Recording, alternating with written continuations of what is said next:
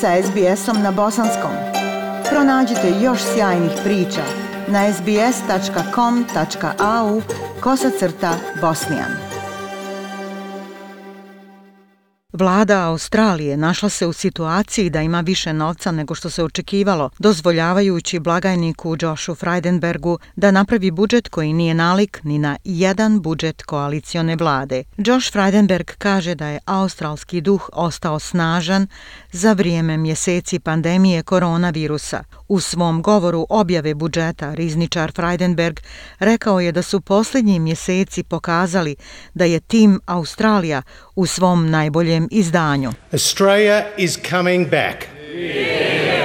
In the face of a once in a century pandemic, the Australian spirit has shone through.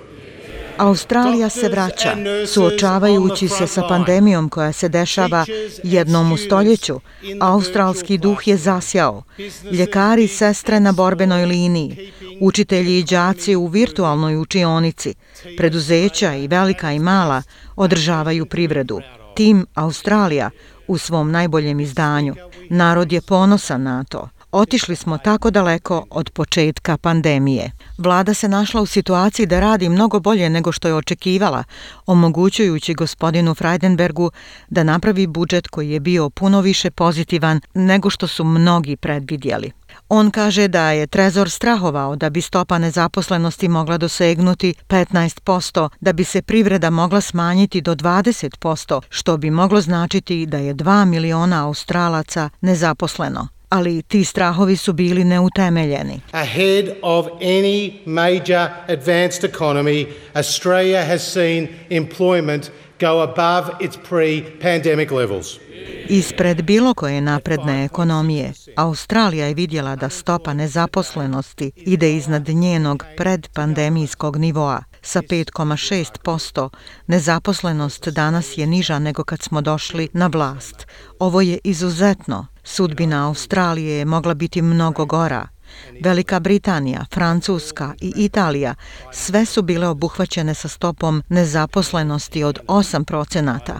Japan i Kanada sa oko 5%, Australija samo 2,5%. Ključni cilj potrošnje je da smanji trenutnu stopu nezaposlenosti u Australiji sa 5,6% sa manje od 5%. On je poentirao da je Morrisonova vlada već obezbijedila 291 milijardu dolara za direktnu podršku održavanja preduzeća na površini i Australce na radnim mjestima. Program JobKeeper zadržao je 3,8 miliona ljudi na poslu, dok je JobSeeker program pomogao jednom i po milionu ljudi koji nisu imali posla. Sadašnji budžet obećava porezne olakšice za više od 10 miliona Australaca. Low and middle income earners will receive up to $1,080 for individuals or $2,160 for couples. Oni koji imaju srednja i niža primanja dobit će individualno po 1080 dolara ili 2160 dolara za par, više u džepu vlastitog novca da ga troše stvarajući na taj način nove poslove. Vladin program imunizacije stanovništva našao se na udaru kritike. Novac je na to utrošen, zajedno sa finansiranjem testiranja i praćenja, respiratornim klinikama i telehealthom. Mr. Speaker, our first priority is to keep Australians safe from COVID.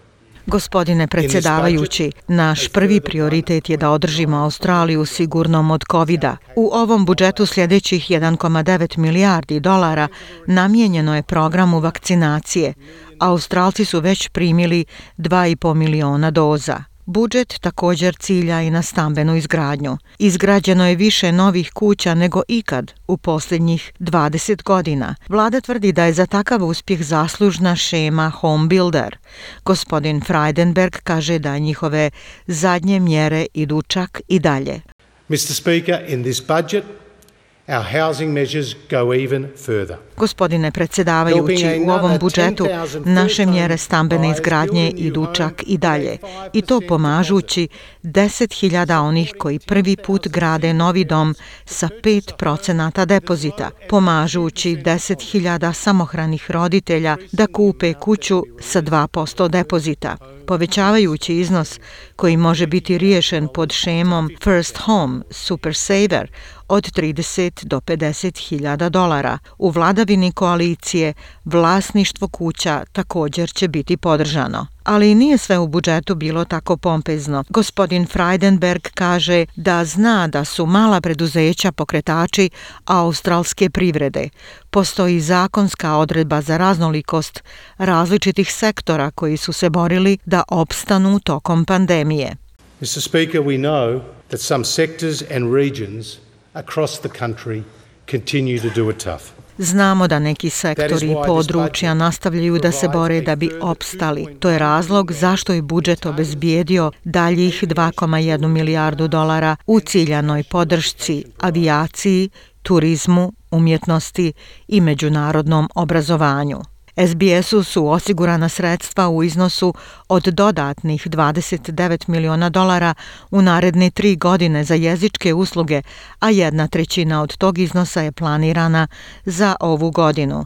Za ABC nisu planirane mjere u budžetu. Budžet planira i značajna ulaganja za više od 450.000 novih mjesta za obuku i prekvalifikaciju nezaposlenih ljudi kao i mladih. 2,7 milijardi dolara je planirano za stvaranje više od 170.000 novih programa za obuku mladih ljudi koji su tek završili školu kao i za stažiranja. Kao što se i očekivalo, naglašena su sredstva i za žene. We will help more women break into non-traditional trades with training support for 5,000 places. Mi ćemo pomoći da što više žena uđe u one oblasti u kojima tradicionalno nisu zastupljene sa podrškom u obuci za 5000 mjesta. Obezbijedit ćemo 2700 mjesta u akademijama za djevojke aboriđinskog porijekla da im pomognemo da završe školu i da se zaposle. I više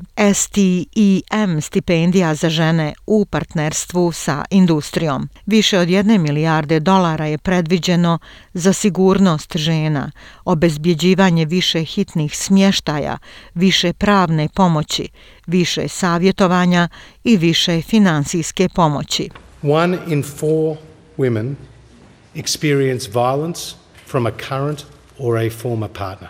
Jedna od četiri žene je iskusila nasilje od strane bivšeg ili sadašnjeg partnera. Ovo mora prestati. Moramo učiniti više da prekinemo svaki oblik nasilja nad ženama i djecom. U izvještaju Kraljevske komisije o sigurnosti i kvalitetu domova za starije osobe stoji da su potrebna značajnija sredstva za ovaj sektor. Tonight we commit 17.7 billion dollars in targeted and practical new funding to significantly improve the system. Večeras posvećujemo 17,7 milijardi dolara za praktično i ciljano finansiranje da se značajno popravi ovaj sistem brige za starije osobe. Mi ćemo također finansirati 80.000 paketa kućne njege, dovodeći ovaj broj do cifre od 275.000 za kućnu njegu. Dodatna sredstva za vrtiće, mentalno zdravlje, usluge veteranima, obrazovanju također će biti dobrodošla. Ipak postoje neki dijelovi budžeta s kojima svi neće biti zadovoljni. Vlada planira da uloži u australske velike rezerve gasa u bazenu Sjevernog Bowena i bazena Galiliji i investira u gasne centrale na bazi hidrogena. Također nema povećanja broja migranata kojima bi bio dozvoljen ulazak u zemlju pa ostaje na brojci od 160.000, od toga 79.600 obrazovanih migranata te 77.300 članova porodice. Ovo je isti broj kao i prošle godine, kao što je i broj mjesta kroz humanitarni program ostao na 13.750. Rizničar je završio u pozitivnoj pointi. Mr. Speaker, the jobs are coming back. Gospodine predsjedavajući, zaposlenja se vraćaju, ekonomija se vraća, Australija se vraća i ovaj budžet će osigurati da budemo čak i jači, osiguravajući oporavak Australije. Ja sam Aisha Hadži Ahmetović, ostanite uz SBS radio. Like, share, comment. Pratite SBS Bosnian na Facebooku.